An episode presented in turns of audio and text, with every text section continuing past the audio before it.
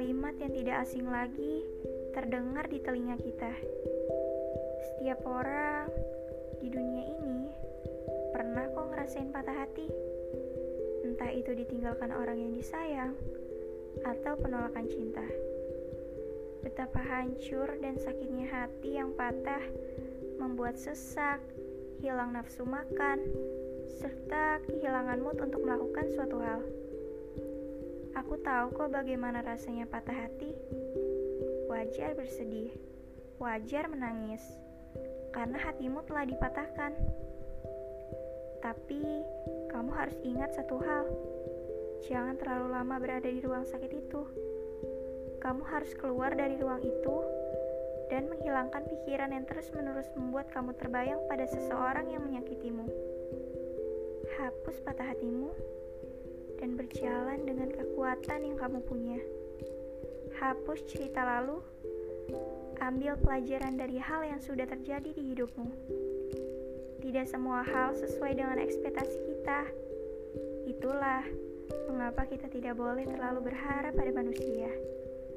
Untuk kamu yang mendengar dan sedang patah hati, aku yakin kamu bisa melewati ini. Jalani hidup dengan lebih hati-hati. Dan tidak sepenuhnya ini salahmu kok. Berhenti menyalahkan dirimu.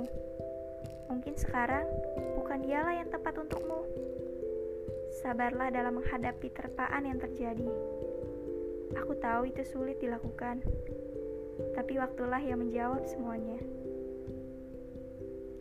Aku ingin kamu mendengar kalimat ini.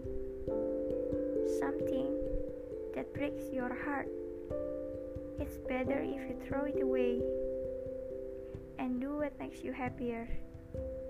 Karena ia telah mematahkan hatimu. Ya, you just have to let it go. So, teruslah melangkah. Just be you. Yang lebih baik dari sebelumnya dan kamu hanya perlu menunggu seseorang yang lebih baik darinya dan ia pantas dapat versi terbaik dari dirimu yang sekarang.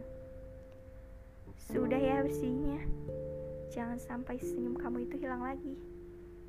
Kamu menawan jika tersenyum.